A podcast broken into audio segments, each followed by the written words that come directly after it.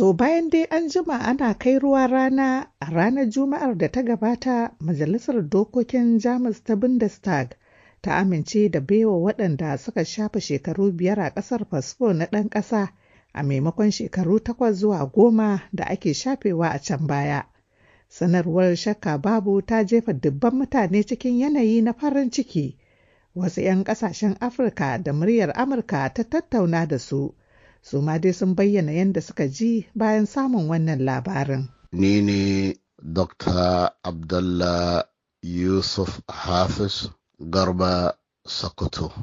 Baki da suke da zama a jamin da rayuwansu na da wuya domin su samu 'yancin zama a cikin wannan gari. Da sauƙi ya zo to ai, mu za mu yi hamdala.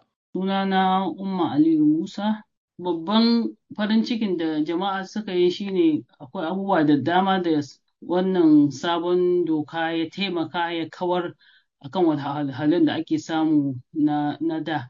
Na farko dai maimakon shekara takwas zuwa goma mutum a cikin shekara biyar ma zai iya samun fasfo. To yanzu haka dai akwai da dama wanda sun yi shekara biyar ko sun fi ma so wannan ya zama musu abin farin ciki ne nan da za su samu.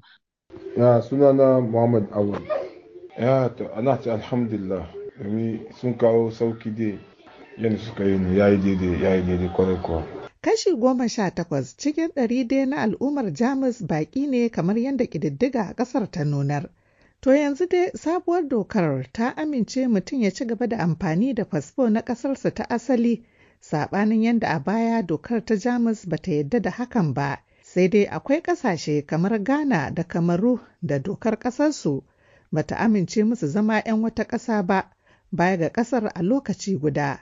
Leo King ɗan kamaru ne da ke son ganin gwamnatin ƙasarsa ta janye wannan haramcin. I received the news with so much joy.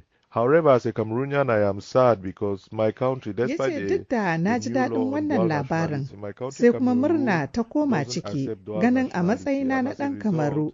Kafin na ci gajiyar dokar, sai na sallama to fasfo renounce na Kamaru. Kiran da zan yi ga gwamnatin ƙasata ta Kamaru ta sake nazari na amfani da fasfon ƙasashen guda biyu. Sabuwar dokar ta tanadi a baiwa waɗanda suka cika shekaru uku a ƙasar katin ɗan ƙasa na dindindin, musamman ga waɗanda suka ba da himma a laƙantar harshen Jamusanci da ma sajewa da al'adun ƙasar. Wannan ya sa Dr. Abdullah Yusuf Hafiz Garba Sokoto, masanin zamantakewar iyali a ƙarƙashin ma'aikatar harkokin cikin gidan Jamus, ya ƙara jan hankalin rukunin da ke fatan samun takardar. Koyon yaren garin wajibi ne. Ko da lokaci dukkan tulin shekarun da kai a cikin wannan gari sai an kawo ma wanda je ma translation to shi ka ga nan da nan shi su gaji da kai. Kuma ya kiyaye da sabawa ma dokokin garin. Kun kai qualifying a baka citizenship a yau, she sun je sun yi binkice irin naka rayuwa a cikin wannan gari.